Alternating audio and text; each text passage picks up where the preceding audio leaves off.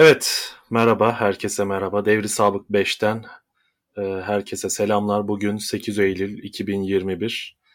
Bugünkü konuğum Bahadır Özgür ve konumuz hepinizin tahmin edeceği üzere yolsuzluk, kara para ekonomisi, vurgunculuk, talan bir değişimin eşiğindeyiz. Yeni bir iktidar yavaş yavaş Türkiye'de ufukta görünmeye başladı, tartışılıyor.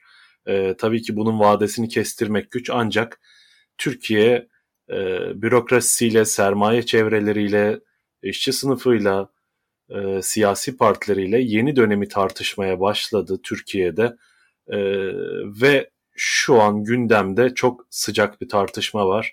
Rövanşizm, rövanşizm endişeleri bazı çevreler tarafından dile getirilmeye başlandı. Tabii ki bu e, kültürel haklar ve insan hakları bağlamında bugün birazcık tartışılıyor ancak ortada şöyle bir olgu var. 20 yıllık süreçte kamu kaynaklarının usulsüz ihalelerle, e, adeta vurgunla, talanla peşkeş çekilmesi, adeta bir Türkiye oligarşisi oluşturulup e, milyonlarca emekçinin sırtından elde edilmiş artı değerin e, belirli bir zümreye aktarılması ve bu aktarma sonucunda zenginleşmiş, güç kazanmış, iktidar kazanmış, muktedir olmuş çevrelerin e, bir hesap verme, hesaplaşma endişesi de yavaş yavaş gündeme gelmeye başladı. Bu bakımdan da değerlendirebiliriz. Konuğum Bahadır Özgür, e, tanıyanlarınız vardır eminim birçoğunuz takip ediyordur kendisini. E, bu konularda özellikle yolsuzluk, kara para ve e, Türkiye'de inşaat vurgunları konusunda, ihale vurgunları konusunda çalışmalarıyla, araştırmalarıyla biliniyor.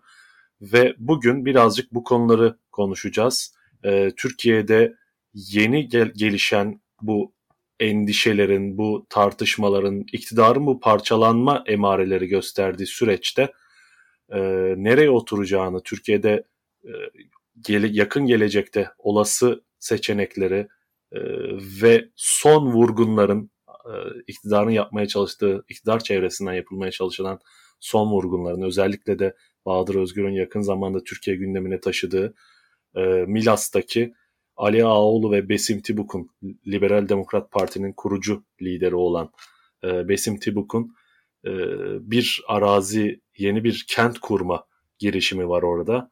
E, ÇED raporu aleyhine, ÇED raporuna rağmen hatta ÇED raporu değiştirilerek bir şekilde orada yeni bir kent kurma girişimleri var. Bunları ele alacağız. E, hocam hoş geldiniz. Hoş bulduk. Sizi tatilinizde yayınımızda konuk ettik. Ee, bize zaman ayırdığınız için teşekkür ediyorum öncelikle. Rica ederim. Hiç sorun ee, şimdi hocam ben rövanşizmle konuya girdim ancak bunu aslında birazcık sonuna, işin sonuna bırakalım. Evet. Genel değerlendirme kısmına bırakalım ve e, şuradan girmek istiyorum. Öncelikle AKP'nin bilinen, görünen e, sermaye kaynaklarından birisi, önemli sermaye kaynaklarından birisi Körfez sermayesi. İşte en meşhur inşaat ve arazi vurgunu son dönemlerde daha fazla gündeme gelmeye başlayan özellikle Sedat Peker'in iddiaları, Burhan Kuzu, Zindaşti meseleleriyle gündem, gündeme gelmeye başlayan uyuşturucu trafiği ee, yanı sıra aslında gözden kaçan ve Türkiye'nin aslında jeopolitik konumu açısından da jeopolitik ilişkileri açısından da önem, anlam arz eden bir başlık daha var. Yeterince gündeme gelmediğini düşünüyorum. Ee, Rusya'dan gelen, Rus Orta Asya bölgesinden gelen kara para sermayesi. Ee, özellikle bu Sedat Peker'in Paramount Otel'e çökülme meselesiyle de e, konusundaki iddialarıyla da e, birlikte ele alacak olursak. Türkiye'de Rusya, Orta Asya'dan gelen bir kara para var ve bunun e, komisyonculuğunu yapan, aklayıcılığını yapan bir sermaye çevresi de var. E, bu konular hakkında ne söyleyebiliriz? E, belki ilk başta şunu vurgulamak gerekiyor. Yani AKP iktidarının pek çok tabii ki kendinden önceki iktidarlardan farkları var. Kuşkusuz yani bu yıllardır tartışıyoruz ama en temel farklarından birisi bir kere bu tür rejimlerin yani otoriter rejimlerin finansmanını önemli bir hale geliyor mutlaka sürekli olarak finanse etmeniz lazım. Yani yapısından dolayı bu tür iktidarların hayatta kalabilmesi, sürdürebilmesi sadece seçimde aldığı oya bağlı değil. Burada sanırım bir yanılgı var. uzun süre sanki kitleleri mobilize ederekten bir takım e, çok doğru ideolojik argümanlarla, politikalarla mesela dinselliği kullanarak mesela işte e, ülkenin etnik, kültürel farklılıklarını bölerekten iktidarda kaldığı gibi bir yargı vardı. Bu doğru bir şey. Bunu elbette şey yapıyor ama bunu finanse etmesi lazım. En önemli ayağı buydu. Şöyle bir şey söyleyeyim. Mesela 2000'li yıllardan önce yolsuzluk ilk defa tartışılmıyor. Özellikle 90'larda 80'lerin sonunda bütün dünyada Dünya Bankası'nın IMF'nin raporlarıyla başlayan bir kamu şeffaflığı, bir yolsuzluk tartışması zaten vardı ve buna yönelik de pek çok politikalar üretildi. Ne derece başarılı olmadığı bir tarafa. Ama 2000'den sonra farklı bir şeyle karşılaştık biz. 2000'den sonra yolsuzluk artık mesela yasaların dışından dolanmak, işte belli bir kesimin kamu gücünü kendi çıkarına kullanmak gibi tanımlarla e, tanımlara sığdıramayacağımız bir boyuta geldi. Yani kurumsal bir hal aldı. Bizatihi hatta hukuku, yasaları kullanaraktan, devletin meşru aygıtlarını, araçlarını kullanaraktan yapılan bir kurumsal yolsuzluk haline geldi. Bunun en bariz örneği siz de bilirsiniz siyaset bilimcisiniz. Rusya örneği mesela oligarşi sistemi dediğimiz Rusya'nın devlet yapısı, siyaset yapısı aslında bu kurumsal yolsuzluğun en e, önemli prototipiydi, en önemli göstergesiydi. Evet. Bir literatür örneği adeta. Evet, bir, bir örnektir bu. Yani orada oligarşlardan oluşan sistem seçim yapılsa da, parlamento olsa da, yasalar çıksa, değişse de, anayasa değişse de bu bu sistemin işleyişini sağlamaya dönük, kolaylaşmaya dönük bir e, legal, yasal, meşru faaliyet olarak e, cereyan ediyordu. Ama asıl orada önemli olan kamu kaynağını kartelci bir siyasi yapının eliyle dağıtılaraktan iktidar dediğimiz yapıyı sadece partilerden ibaret kılmıyor. Ona farklı ortaklar da entegre ediyor. Böylece şöyle bir manzara çıkıyor. Yani seçim o kadar gereksiz bir hale geliyor ki o tür sistemlerde. Ee, bir kişiyi seçiyorsunuz ama iktidar birden fazla ortağa sahip ve çoğu atanmış oluyor. Şimdi Türkiye'deki rejimin benzeri de aslında 2000'lerden sonra kurulan rejim de adım adım buraya doğru evrildi. Bu sadece Türkiye ile ilgili bir sorun değil. Sovyetler Birliği dağıldıktan sonra bütün Türkiye Cumhuriyeti, Orta Asya Cumhuriyetlerinde, e, Balkanlarda kurulan devlet yapılarına, siyasi yapılara baktığımız zaman hepsi benzer bir hal aldı. Evet, Hatta evet. Amerika yani çok konuştuk. Direkten döndü neredeyse Trump'la. Biliyoruz yani Evet, bu sistemi evet. bile ent, buraya bile e, sirayet etmiş bir şey. Yani dolayısıyla Türkiye'deki yapı sadece AKP'nin e, dini söylemi kullandı. Yoksullara sosyal yardım verdi. İşte e, kandırdı. Bir takım ittifaklar yaparak geldi değil. Tek başına bu değil. Bunlar sonuç. Bunlar bir araç olarak ama esas temelinde yatan şey kamu kaynağını dağıtaraktan kamu kaynağını devletin meşru yasal araçları üzerinden dağıtaraktan bir sistem kurması ki bunu bir piramit olarak düşünelim. En tepede bir zümre var ama aşağı doğru mesela AKP il örgütleri, ilçe örgütleri birer ihale kurumu gibi dağıtıp çalıştığını biliyoruz ki Türkiye'deki ilk büyük yolsuzluk 2004'te Hatay'dadır. 260 ihalenin sadece 10 tane AKP'ye verilmesi biliyorsunuz. Ali Dibo meselesi Evet, olarak manşetlere evet. çıkmıştı. Yani daha 2004'lerden bahsediyoruz. Yani 260 ihale. Bu bir kere bu rejimin esas niteliği bu. Kaynak Ekonomi politiği aslında yani kaynağı yaratması, siyasi bir kartelci yapı. Bu parti çünkü devletin neredeyse bütün kurumlarını ele geçirmiş durumda. Onun eliyle dağıtılması. Bu dağıtım ister yasayla oluyor, yasa dışı olabiliyor, yasa değiştiriyor. İhale yasasının 200 200'ü bulması, 204 değişiklik olması bundandır. Bu dağıtımı sürdürebilmek. Şimdi bugün karşılaştığımız tablonun temelinde bu yatıyor. Ne zaman ki kamu kaynakları, kamu ihale yasasıyla dağıtılacak kaynaklar e, azalmaya başladı. Dünyada işte borçlanmayla elde edebileceğiniz kaynaklar azalmaya başladı. Yani buna genelde üzerinde uzlaşılan milat 2013'ler sonrasıdır. Tesadüf hani geziye falan denk gelir bu da. O dönem işte faiz tartışması başlamış. Merkez Bankası bağımsızlığının reddetmiş Erdoğan. Kamu bankalarını çok aktif bir şekilde kullanmaya başlamış. E, ve o kaynak kesildiği zaman artık bu rejimin sürdürülebilmesi için o para trafiğinin devam etmesi gerekiyordu. İşte aslında kara para, uyuşturucu, e, bir takım illegal ticari yollar, e, rüşvetler bu kadar çok patlaması Türkiye'de, bu kadar yoğun olmasının bir nedeni artık bu otoriter rejimin kendi e, varlığını sürdürebilmesi için gerekli kaynağı finansal araçlarla sağlayamamasıydı. Meşru, bilinen finansal evet. araçlarla sağlayamaz hale gelmesi büyük oranda. Yani biraz böyle daha geniş çerçeveden bakıyorum hı hı, çünkü hı. ben bunu e, suç ekonomisi olarak görmüyorum. Suç ekonomisi aynı zamanda öbür ekonomiyi de gerektirir. Yani bir legal ekonomi vardır, bir de suç hı hı, ekonomisi hı. vardır. Tarihin en eski şeyidir suç ekonomisi. İlk defa uyuşturucu ticareti yapılmıyor. İlk defa yolsuzluk evet. yapılmıyor. Burada sorun suç ekonomisi veya suç ekonomisi, ekonomisi değil diyebileceğimiz bir alanın kalmaması. İkisinin iç içe geçmesi ve bir rejimin ekonomik kaynakları haline gelmesi. Yani çok iyi bir çerçeve çizdiniz hocam. Ee, Rusya'ya birazcık işaret etme nedenim de buydu. Burada bir e, bir rejim modeli aslında oradan gelen sermaye ile birlikte bir rejim de buraya doğru akmış oluyor. Bir ideolojik anlamda, ekonomi politik anlamda yeni bir rejim aslında 2010'lar sonrasında özellikle 2010 öncesinde e, yolsuzluklar ve e, AKP'nin kendini tahkim etme çabalarıyla birlikte Doğru. henüz Batı e, sermayesiyle, Avrupa Birliği ile, Amerika ile hukuki ve serma, finansal araçlar anlamında ilişkilerini koparmış bir AKP yoktu. Fakat 2010-2013 arası e, özellikle böyle 2016'ya kadar uzatabileceğimiz belki işte darbe girişimine kadar uzatabileceğimiz dönemde bir interregnum bir e, geçiş süreci var AKP açısından ve 2016'da yeni bir tercihle yeni bir ekonomi politik inşa ediliyor ve o ekonomi politikte yeni bir rejim doğuruyor. İşte Rusya'ya benzer. E, bugün adına farklı yaklaşımlarla bazıları işte kroni kapitalizm deniyor diyor buna. Ahbap çavuş kapitalizmi diyor. E, ben de bu tespitinize katılıyorum. Yani ortada bir suç olarak tas, e, tasnif edebileceğimiz ayrı bir ekonomik yapı yok. Çünkü bu rejimin kendisi haline gelmiş durumda.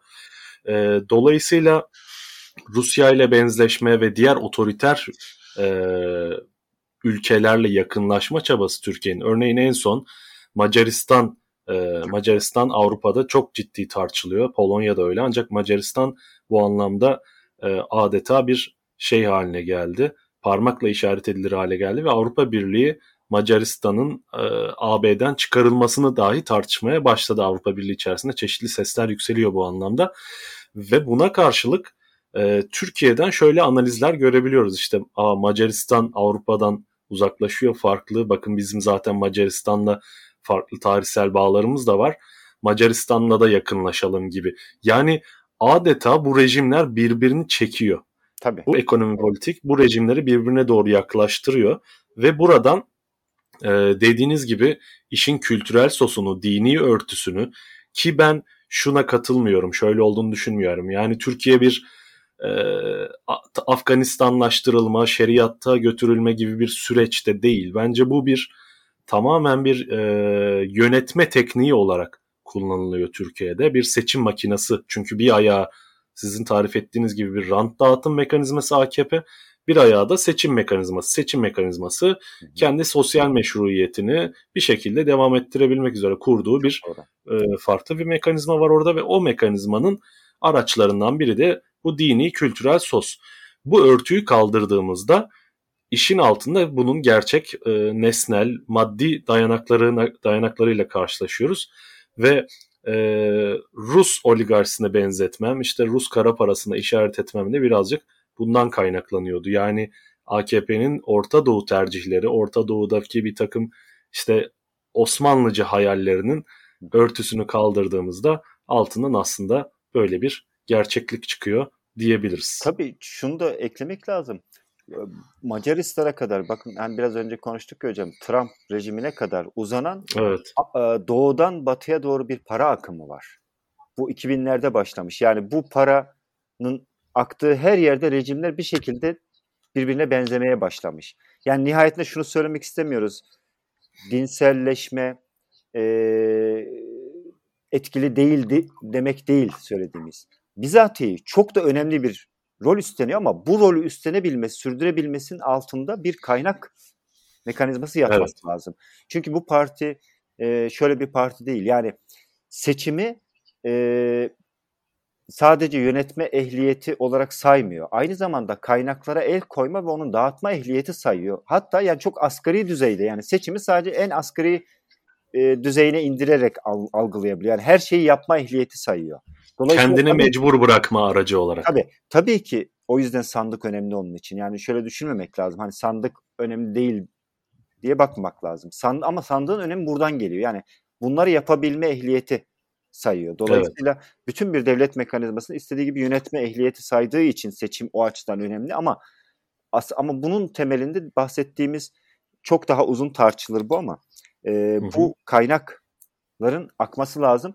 Bir şeyi vurgulamak lazım. 2002 2009 10 arası niye olmadı? Çünkü e, e, Erdoğan rejimi istediği kaynağı batıdan gayet meşru yasal yollardan finansal araçlar sağlıyordu. Türkiye o dönem e, şöyle söyleyelim hep söylenir 2002'ye kadar e, 130 milyar dolara yakın borç vardır. Yani Cumhuriyet döneminin e, 76-80 yıllık bize bıraktığı borç bu kadardır. Ödedikleri hariç. Evet. Bu zamandan AKP zemini 450 milyar dolara aştı. Yani iki cumhuriyet kadar borçlandı AKP. İşte bu batıdan gelen kaynak. Yani rejim nasıl değişir? İşte böyle değişiyor. Bu borçlanmayla.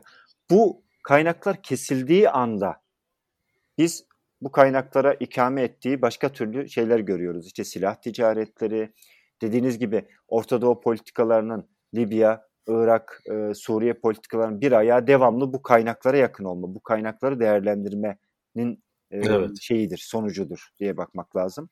Şey çok önemli. Ben bunu herkes çok vurgulamıyor. Siz de siz vurguluyorsunuz. Ben de elimden gelince yapmaya çalışıyorum. Türkiye rejimi Azerbaycan, Rusya e, Kazakistan, Özbekistan gibi rejimlerle entegre halde evet. ilerledi. Özellikle sermaye çevrelerinin ilişkileri Çok bağlamında. Tabii bu bizim yeni de değil. Zaten geleneksel ilişkilerimiz vardı biliyorsunuz Kazakistan Hı-hı. Özal zamanından evet. beri. Mesela Kazak Özal Kazakistan ilişkisi Çalık Holding gibi bir holding oldu. Hı-hı. 90'larda evet. Adriyatik'ten Çin denizine diye Demirel'in başlattığı hamleyle oradan yeni sermaye grupları çıktı. Hala oralarda iş yapıyorlar. Daha da geriye gidelim. İlk inşaat ihracımız bizim Libya'yadır. Ve oradan mesela Enka, STFA gibi şirketler hı hı. doğdu. Yani Türkiye'nin dış politikasıyla sermaye birikim modeli arasında çok sıkı bir ilişki var. Bu evet. coğrafyalara doğru yöneldikçe oralardan yeni sermaye grupları e, doğuyor ve iktidarla eklemleniyor. O açıdan Erdoğan yaptığı şey de 2010'lardan sonra hızlanan, bu kadar hız, değişimi hızlandırmasının nedeni de Azerbaycan'la kurulan gaz, petrol ilişkileri, Özbekistan'la kurulan sermaye ilişkileri.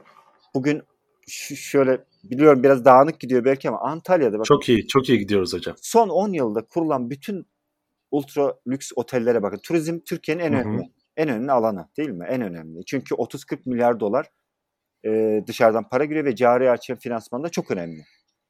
Evet. Turizmin yapısal değişimine baktığınız zaman burada neredeyse kurulan bütün otellerin, otel zincirlerinin hemen hemen sermaye, ana sermayesinin Rusya ve Orta Asya Cumhuriyetleri olması önemli bir e, nokta.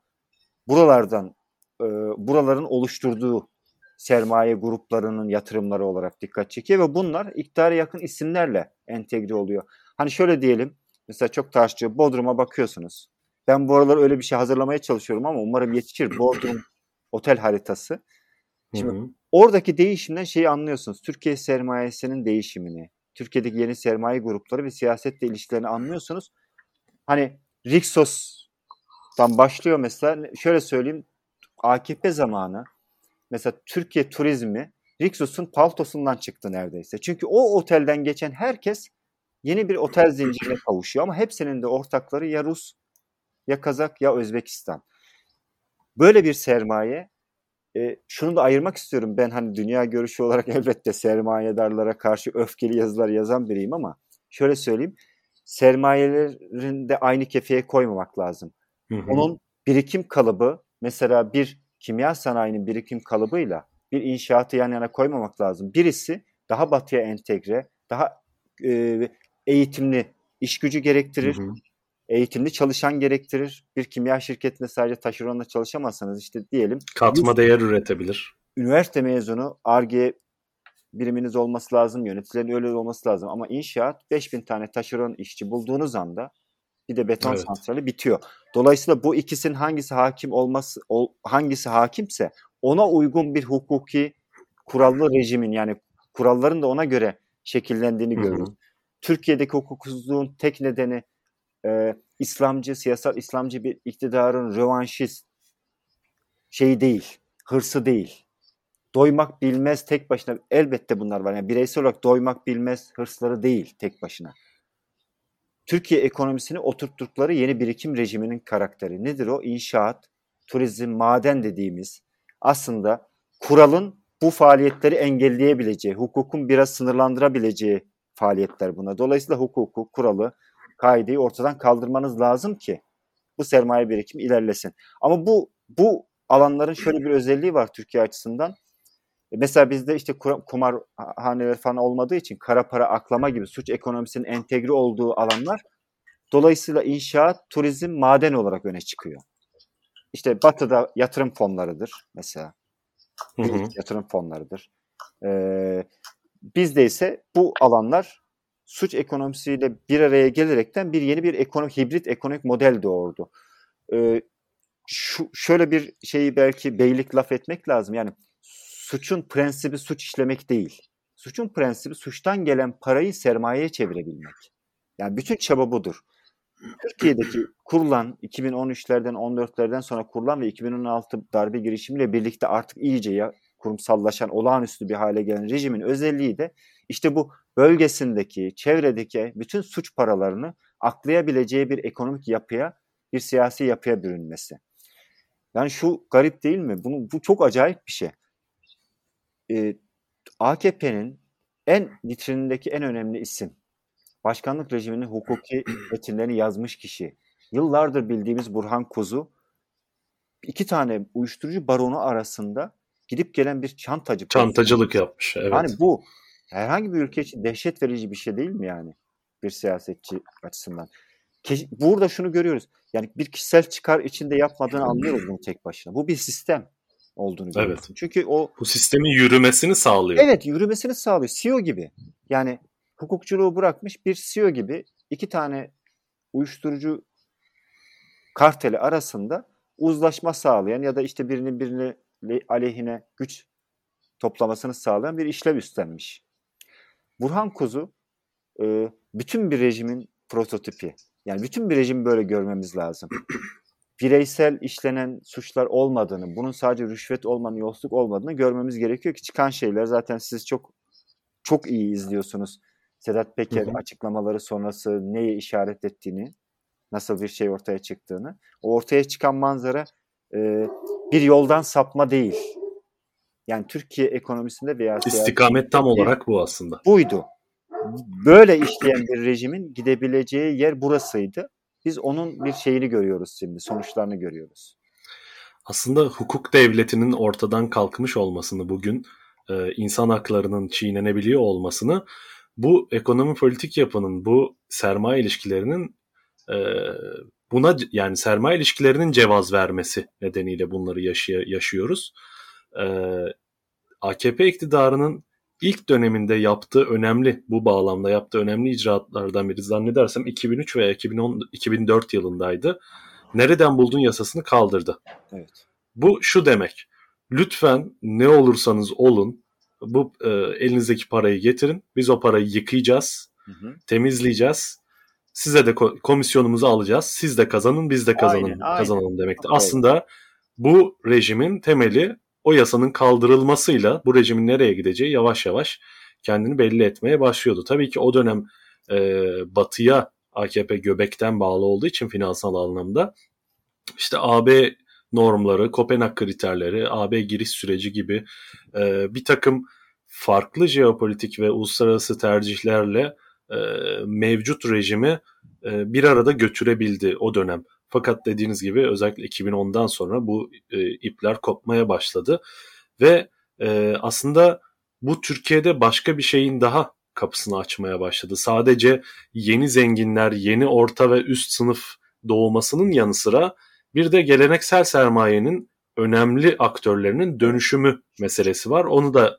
yakın zamanda siz yazdınız yine. Şu çok Eczacıbaşı örneği çok önemli bir örnek. Ya ben ben onu çok önemsiyorum. Nedeni şu dediğim gibi yani hem sermayenin kendi içindeki dönüşümlere de iyi bakmak lazım. Çünkü rejimin karakterini veren şeyler bunlar. Sadece Aydın Doğan gibi gırtlağına çöktü. Elinden mal evet. meselesi değil bu. Çünkü şunu şunu biliyoruz biz. Mesela 90'larda bu sermaye grupları bir anda banka sahibi olma hevesine kapılmıştı. Niye? Çünkü o zamanki birikim rejimi dışarıdan doları getir, içeride devlete borç olarak ver, yüksek arbitraj, arbitraj geliriyle üretmesen de çok büyük servetler kazan. Herkes girdi. O kadar çok kişi girdi ki yani buna o zaman şöyle örnek vereyim. Tofaş fabrikası üretimini durdurup bonoya yatırdı parasını o dönem. Yani bu Türkiye'deki ekonomik sistemin işleyişini çok güzel gösteren bir şey. Yani sadece uzan yapmadı bu işleri. Evet. Dedi zenginler yapmadı. Aynı zamanda geleneksel sermaye dediğimiz daha cumhuriyet sermayesi dediğimiz birinci ve ikinci kuşak sermayedarlar da o rekabet içinde ya ülkede böyle para kazanılıyorsa biz de böyle kazanırız. Esnekliğini gösterdiler. Bu esneklik önemli. Şuradan söylüyorum. Buna esnek olan sermaye grupları kendi daha sonra yeni döneme uyarlayabiliyor. Mesela evet. Koç dediğimiz sermaye grubu birden fazla birikim kalıbına sahiptir. Salça da satıyordu, otomotiv de satıyordu. Dolayısıyla gıda krize girdiği zaman zaten yüksek teknoloji bir yatırım olduğu için kaynaklarını oraya entegre edebiliyor ve böylece Avrupa küresel pazarlarla entegre olmak işine gelebiliyor. Geliyordu. Hı hı. Çünkü rekabette öne geçiyor. Yani esnekliğe sahip. Ama Türkiye'de sermaye yapısı o kadar az esnek yapıya sahip ki o yüzden çok kolaylıkla mesela inşaata yönelebiliyorlar. Örneğin Eczacıbaşı örneğini verdiniz. Türkiye'nin önemli kültürel sermayesine sahip grubu ve bence bir burjuva dediğimiz zaman kitabi hı hı. anlamda çok e, yakışan bir grup. Yani bir burjuva diyeceğimiz gruplardan birisi. Bir anda inşaatçı oldu. Çünkü Türkiye'nin birikim rejimi inşaata kaydığı anda siz ne yapabilirsiniz? Yani ya rekabette yenileceksiniz ya yabancı ortak bulup güçleneceksiniz ya da neyse hakim olan birikim rejimi ona hızlıca uyum sağlayacaksınız. Türkiye'de çok, pek çok grup buna uyum sağladı. Doğuş Grup elindeki finans en önemli bankasını sataraktan inşaat evet. içine girdi. Distribütörlük falan yapıyor. İşte yemekçilik yaptı. Yani e, Nusret'le ortaklık yaptı. Türkiye'nin 1940'larda ilk bankasını kurulmuş Garanti Bankası gibi ilk özel bankasının sahibi bir grup bir etçiyle ortaklık yapma yaptı. Yani bu bu mecbur bunun bir yönü mecburiyet, bir yönü de kolay para kazanma şeyi. Yani bu dönemde evet. böyledir demesi. O açıdan bugünkü şeyde de şöyle bakamıyoruz. Ee, yandaş sermaye var bunlar geleneksel sermaye ile itişiyor, çatışıyor diyemiyorsun. Böyle bir genel değil, tam olarak öyle değil evet. O çünkü o geleneksel köklü sermaye içindeki kırılmalar, değişimler, iktidara eklemlenenler de var. Onlar da bu rejimin artık e, tahtının arkasına dizilme ihtiyacı hissettiler. Çünkü para kazanma. Türkiye ekonomisinde e, rekabet edebilme şanslarının bu olduğunu inandıkları için buraya doğru entegre oldular. Orada da bir değişim olduğunu görmemiz lazım. İşimizi zorlaştıran kısımlardan birisi bu Özgün Hocam. Yani nihayetinde parlamenter demokrasi ülkenin en gelişmiş sermayesinin ihtiyaçları çerçevesinde de şekillenir. Hukuk, evet. kural, piyasa kuralı, işte kurallı piyasa denilen şeyler bunun ihtiyaç şeklinde de gerçekleşir. Ama siz dediğiniz gibi nereden buldun yasası kalkarken bu kesim eli o kadar güçlü olduğu halde itiraz etmediler. Niye? Çünkü bu iktidar onlara 80 milyar dolarlık bir cumhuriyet mülkü sundu özelleştirmeyle. Yani Evet. Bu ifade verdi, çok önemli bence. Cumhuriyet mülkü meselesi. Petrokimyayı verdi, şeker fabrikalarını verdi, e, doğal tekelleri verdi, Erdemir'i verdi, Kardemir'i verdi. Dolayısıyla seslerini çıkartmadılar. Yani hiçbir zaman... Bir, bir nevi sus payı almış oldular. Özelleştirme odur. Özelleştirme bir evet. piyasa düzenlemesi değildir. Piyasadaki önemli aktörlerin lehine kaynak transferidir. O bittikten Hı-hı. sonra kavga başladı zaten. Başlamadı mı? 2008'de. Evet tam olarak da. O bitti ve e, büyük sermaye bir değişim istedi. Tekrar IMF anlaşması istedi. Batı pazarlarının Hı-hı. gerektirdiği kurallara uygun bir yapılanma istedi. Ama AKP'de artık eli güçlü bir şekilde zaten vesayet rejimiyle hesaplaşma adı altında, farklı siyasi davalar adı altında, hatta zaman zaman kamu gücünü kullanaraktan Aydın Doğan örneğinde olduğumuz gibi içlerinden birisinin gırtlağına çökerekten o işi susturdu. Ve o çatışma aslında büyük bir şeye dönüşmedi 90'lardaki gibi. E, büyük bir yarılmaya dönüşmedi. E, bu 2010'lardan sonraki rejimde zaten büsbütün bir otoriterlik kurduğu için Türkiye ekonomisinin karakteri buna dönüştü. Yani enerji, e, maden, inşaat ve turizmde siyasi kartelciliğin oluşturduğu bir nevi korporatist yapılar oluştu. Yani siz turizmde evet. bugün teşvik almanız için AKP'nin ya yakın olmanız gerekiyor. İdeolojiniz Hı-hı. ne olursa olsun önemli değil. Teşviği alabilmeniz için. Ya da maden açabilmeniz için buna yakın olmanız lazım. Hı hı. İnşaatta da böyle. Ya bu korporatist yapı e, biliyorsunuz e, geçmiş klasik faşizmlerin özelliğidir. Korporatist yapılar. Onlar daha çok evet. sendikalar, üniversiteler falan gibi daha e, sivil toplumdaki örgütlenmeleri kullanaraktan korporatist yapılar kurardı. Bugünkü e, otoriter rejimlerin özelliği ise özellikle iktisadi alanda iktisadi kaynaklar üzerinde korporatist yapılar kurması. Böylece şirketleri organize ediyorsun. Kaynak dağıtımını kolaylaştırıyorsun. E, bu belki bu e, şeylerin hani ekonomi politik sermaye tabanını incelerken önemli bir e, şey olarak, özellik olarak öne çıktığını düşünüyorum. Aslında daha inceltilmiş, daha saflaştırılmış bir korporatizm fakat özü Görüntüde itibariyle piyasa. pratikte Görüntüde evet, görüntüde piyasa, piyasa ambalajı var ortada. Ama bir rekabet yok. Fakat prati, pratiğe baktığımızda aslında o geleneksel korporatist yapılara göre çok daha vahşi bir çok daha, yöntem. Tabii ki. Doğrudan el koyma sisteminin e, işlediği bir yöntem. E, ön, bahsettiğiniz korporatist yapılarda e, sivil toplum mevcut ve o sivil toplumun denetlenmesi ve rejime kazandırılması sorunsalı ortada. Fakat e, günümüzde artık sivil toplum denen şey tamamen bir manipülasyon e, hedefi olarak görülüp e, el koyma, çıplak el koyma girişimleri için sadece bir engel teşkil ediyor ve o gerekli engeller aşıldıktan sonra piyasa görünümü altında işte e, sıcak para ekonomisi görünümü altında bir şekilde o, o korporatist, o oligarşik yapı oligarşik, daha inceltilmiş teknolojilerle Hı. aslında yönetim teknolojileriyle bugüne taşınmış oluyor. Şimdi e, sermayenin değişim dönüşüm kapasitesi ve aslında birazcık geleceğin kokusunu alabilmesi konusuna birazcık Hı. yani sizin vurgunuzla oraya doğru e, konuyu çekmek istiyorum. Şöyle bir şey var. E, kapitalizmin özü mantığı itibariyle sermaye sahibi yatırım yapıp para kazanabilmesi için yatırım yapacağı yere ilişkin belli hesaplamalara ve gelecek öngörülerine ihtiyaç var. Zaten e, modern bilimin gelişip e, hegemonik bir hale gelebilmesinde kapitalizmin sermayedarın bu ihtiyacın önemli bir etkisi var. Sayısallaştırmanın, matematikleştirmenin, iktisadın bu kadar teknik bir alan, alan haline gelebilmesinde bu ihtiyaç aslında kurucu öneme sahip. Buradan hareketle aslında e, sermayedarın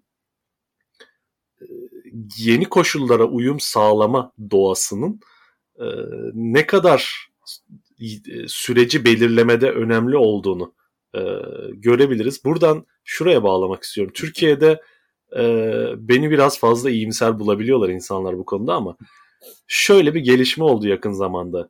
Cengiz Holding e, bir PR şirketiyle yeni bir e, kimlik inşa etme arayışına girdi. Kendisiyle ilgili toplumsal imajını düzeltme çalışmasına girdi ve işte bunu orman yangınları zamanı temaya bağış yapma girişimi olarak gördük.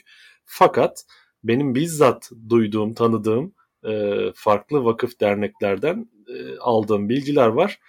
Daha laik, e, seküler vurgularıyla öne çıkan kurumlara e, öğrenci bursu vesaire bütçeleri için bağış yapma girişimler, girişimlerinde bulunmuş, bulunuyor Cengiz Holding şu an. Bunları da yeni bir imaj yaratabilmek için yapıyor. Yani e, bu bence çok önemli bir gösterge. Tekil bir örnekle bir sonuca varamayız belki. Bir anekdotal bir örnek olarak görebiliriz bunu ancak e, sistemin bu kadar merkezine oturmuş emanetçi diyebileceğimiz işte beşli çete olarak tabir ettiğimiz bir yapı içerisinden böyle önemli Erdoğan'a bu kadar yakından e, yakınında bulunan bir öznenin bu tür girişimlerde bulunabilmesi son derece bence dikkat çekici ve işte bu e, o iyimserliğe buradan geliyorum. E, bence kokuyu alma durumu var şu an ve yeni döneme ilişkin yeniden bir konumlanma çabası olabilir mi veya yeni dönemi görüp de son vurgunları yapma girişimleri de işte bu Milas meselesinde olduğu gibi 30 bin kişilik bir kent kurma girişiminde ol, olduğu gibi e, bence bu telaşın, bu e, hayhuyun, bu yeni dönem e, hazırlıklarının birazcık e, bu değişime işaret ettiğini düşünüyorum. Siz ne düşünürsünüz bu konuda? Çok ya bilmiyordum. Çok önemli bir örnek verdiniz. Ee, bu tür bu tür şeyler detay olduğunu düşünmüyorum ben. Çünkü Türkiye'de çünkü sonuçta Türkiye bir kapitalist ülke. Türkiye Afganistan gibi Pakistan gibi modernleşmiş bir ülke değil. Bizatihi Cumhuriyet'in ilk yıllarına itibaren şöyle bir özelliği olan bir kapitalizm üstelik. Hani tamam geç kapitalizm diye tarif ediyoruz. Bağımlı kapitalizm diyoruz falan ama şöyle bir özelliği var.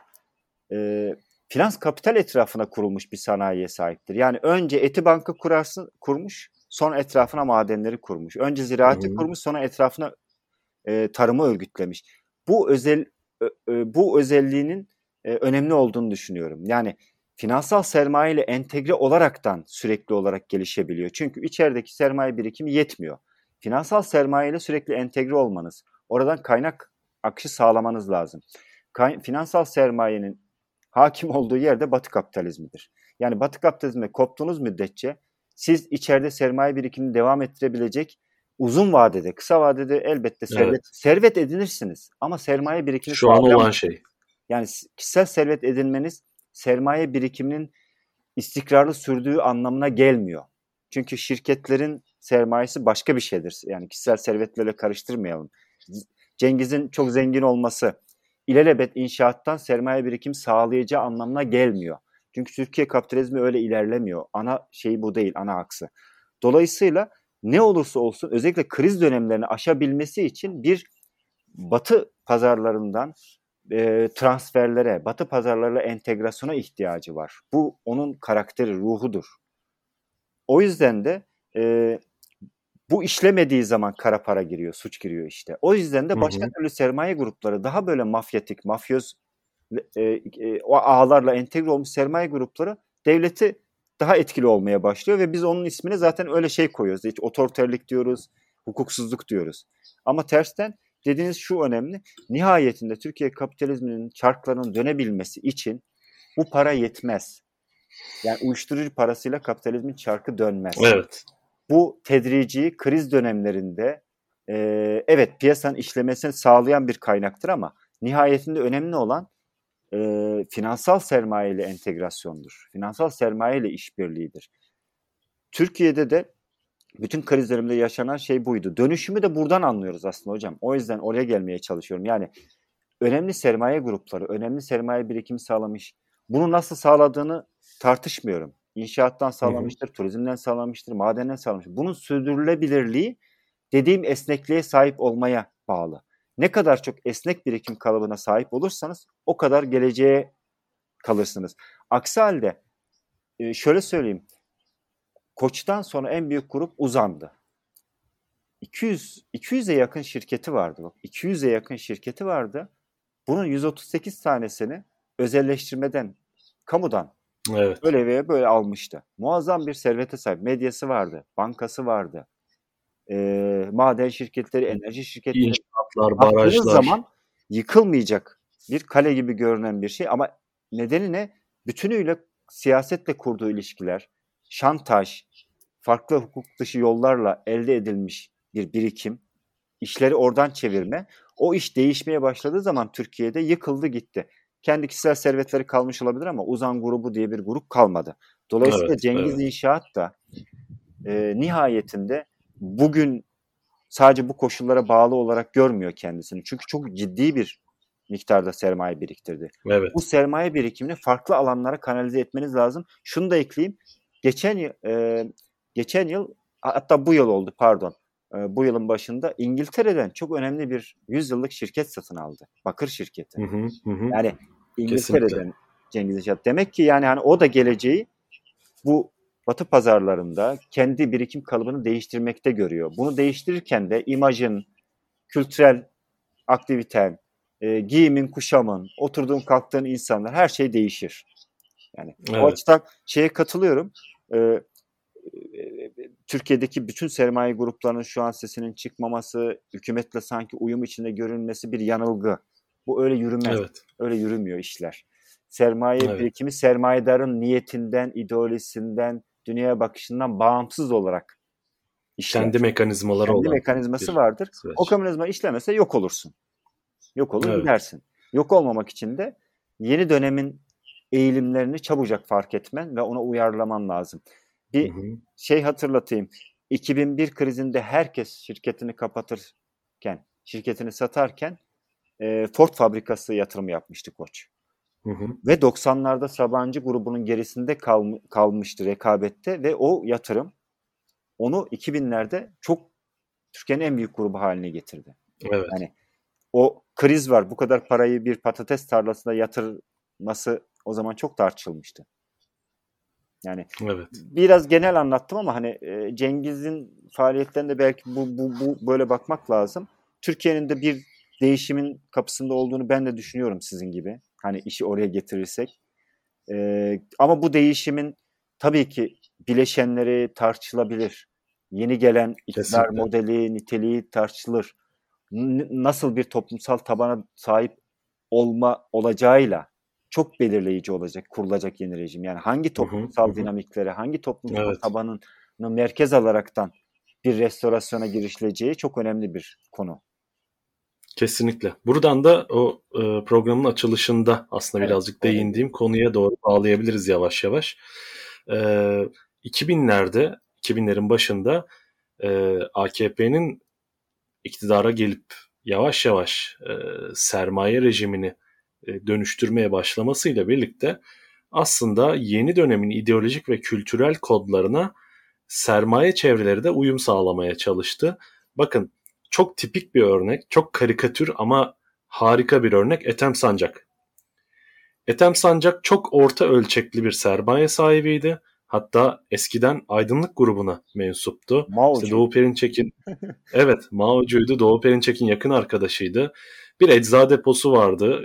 Çok büyük bir sermaye sahibi değildi fakat e, farklı ilişkiler ağı da vardı bir yandan. Siirtli, e, Emine Erdoğan da aynı köyden uzaktan akrabalık ilişkileri var yanılmıyorsam. Ve birden e, Ethem Sancak'ı e, Erdoğan'a aşk şiirleri yazarken e, işte İslami bir takım e, ritüeller içerisinde öyle kültürel kodlar içerisinde bulduk ve çok hızlı yani Maoculuktan e, İslamcılığa hızlı bir geçiş yaptı. Ama bu bence e, sermayenin bu e, yeni döneme ayak uydurabilmek için ne kadar esnek bir dönüşüm kapasitesine sahip olduğunu göstermesi açısından önemli. Şimdi de işte bu Cengiz Holding örneğini verdik ve yavaş yavaş e, şu tartışmalar başladı. Aslında kültürel gerilimler ve insan hakları konuları üzerinden başladı. Ancak bunun tabii ki bizi ilgilendiren kısmı işte şu meşhur ve programımızın da adı olan devri sabık meselesi. İşte rövanşizm yani bir kesim gerçekten e, kendi sahip olduğu hak ve kültürel e, hak ettiği kültürel e, ayrı şeylere diyelim e, konumlara sahip çıkma kaygısı taşırken e, ve ben bunun aslında azınlıkta olduğunu düşünüyorum. Yani Türkiye'de genel olarak böyle bir kaygı olduğunu düşünmüyorum. E, Türkiye'de bir AKP iktidar değişikliği konusunda AKP tabanının da böyle büyük korkuları olduğunu düşünmüyorum kültürel anlamda. Fakat bence esas korku ve kaygı en üsttekinden en alttakine kadar işte siz az önce söylediğiniz AKP ilçe il ülke teşkilatları birer ihale dağıtım merkezi olarak işlev iş, e, fonksiyon yürütüyor ve e, en yukarıdakinden en aşağıdakine kadar aslında bu devri sabık ve rövanşizm tartışmalarının arkasında e, haksızca elde edilmiş olan kamu kaynaklarının e, kamu kaynaklarını el koyma yoluyla elde edilmiş olan hukuksuzca elde edilmiş olan zenginlik ve iktidarın en büyük iktidardan e, bir mahalledeki e, sahip olunan ayrıcalıklara kadar iktidarın kaybedilme endişesi yani aslında bu ekonomik ayrıcalıkların evet. e, kaybedilme endişesi yattığını düşünüyorum ve e, bu rövanşizm tartışmalarını aslında gün e, bu kültürel meseleler tabii ki önemli ama o sığlıktan çıkarıp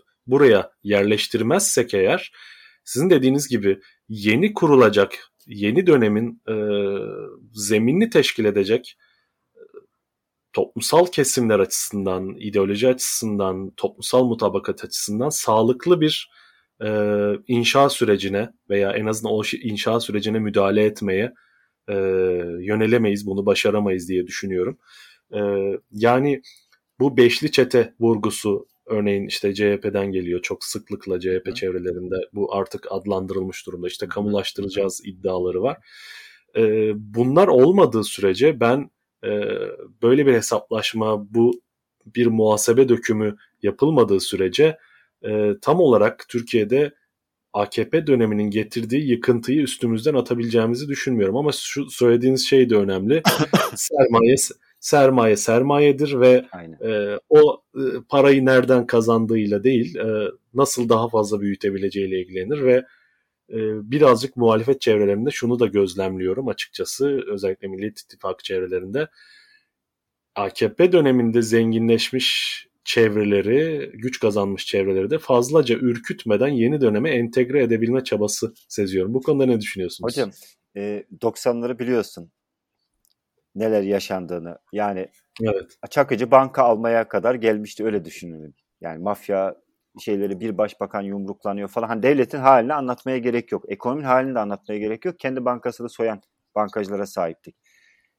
O dönem mülkiye müfettişleri diyeyim genel tabirle e, incelemeye başladılar. İşin ucu öyle bir yayılıyor ki devletten tepesinden ya bir yerde kesin bütün sistem mi, mi sorgulayacağız demek zorunda kaldılar.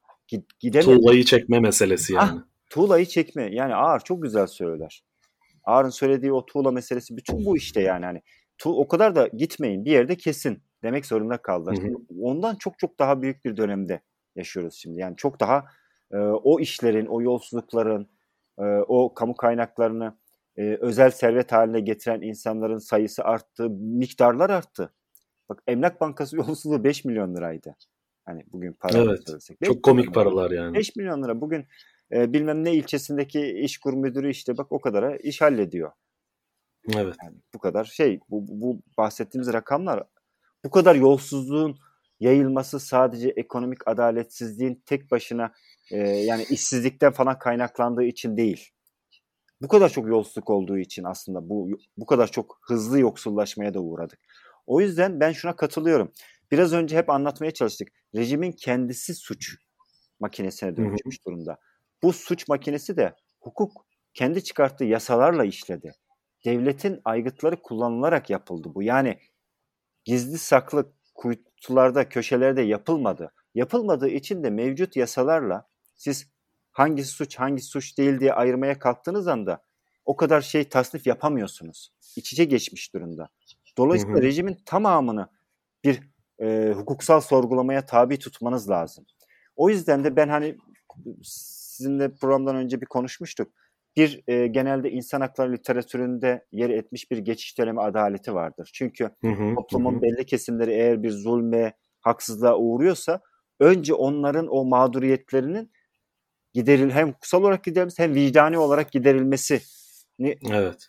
e, ifade eder. Yeni bir kabaca. toplum sözleşmesi evet. yaratılabilmesi ha, için. Bu yeni bir literatür. Bu önemli bir şey aslında. Çünkü dünyanın pek çok yerine tartışılan bir şey. Bu geçiş dönemi adaletinin ben aynı zamanda ekonomik ve sosyal adaletsizlikleri de sorgulamaya dönük bir şeye genişletebileceğini evet, düşünüyorum.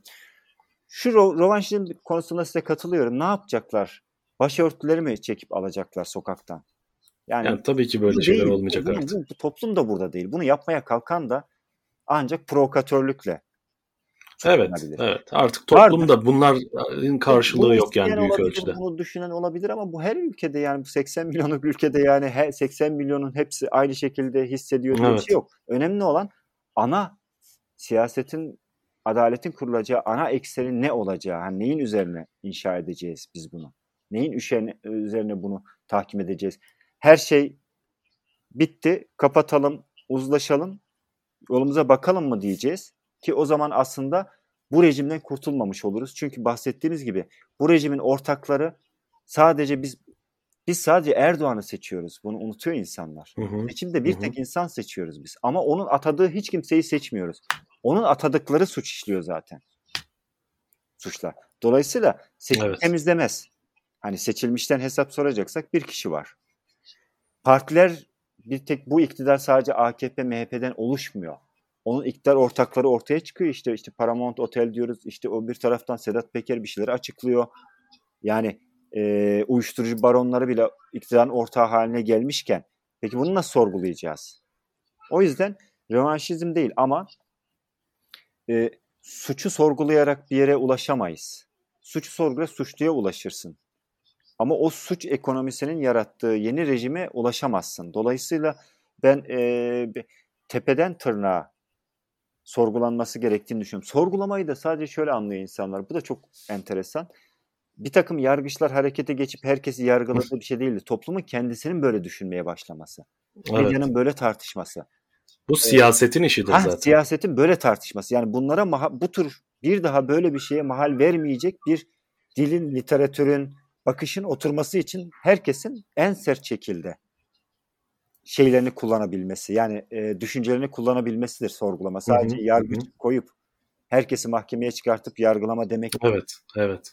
O yüzden de zaten bu kadar insanı yargılayamazsınız tabii. da yani çok fazla suçun bir kendisi de, rejim olunca tabii. Bu kadar o, rejime entegre ama, olmuş milyonlarca ama, insanı ama sert bir şekilde en sert haliyle evet. Bunları ma- mahkum etmek yani vicdanda toplum hegemonik bir dönüşüme ihtiyaç. Kamu alanında mahkum etmeniz lazım. O evet. insanın itibarlı olmaması lazım. İtibar görmemesi lazım. O işi bir daha Denazifikasyon lazım. gibi yani ha, aslında. Onu kastediyorum ben. Yani bu siyaset buna zorlarsa, toplumu buna doğru çekerse bir daha şey e, milletin bilmem ne yapacağım diyen bir inşaatçı çıkamaz. İş yapamaz. Evet. Yani iş yaparak böyle bir iş yaparaktan ayakta kalacağını düşünemez. Bunu bunu sağlamak lazım. Ayrıca şunu da söylüyorum hocam. Bu da yani kişisel olarak ben toplumda çok ağır bir dinselleşme yaşandı maalesef. Hı hı. yani bu din inanç meselesi değil. Bu toplumu belli bir kesime karşı kışkırtacak şekilde bir nesil yetiştirme evet, evet. faaliyeti yürüttü. Bunun için vakıflar kullanıldı, dernekler kullanıldı. Kamu kaynaklarını geçiyorum. E, eğitim kullanıldı. Şimdi bunları düzeltmeyecek miyiz? Şimdi bunlara el atmayacak mıyız? Tarikatlar kullanıldı. Bunlar hiç mi girilmeyecek? Bunlar hiç mi sorgulanmayacak? O yüzden onun kaynaklarını da eğilmemiz gerekiyor. Bu, Kesinlikle. Bu rövanşizm olduğunu düşünmüyorum.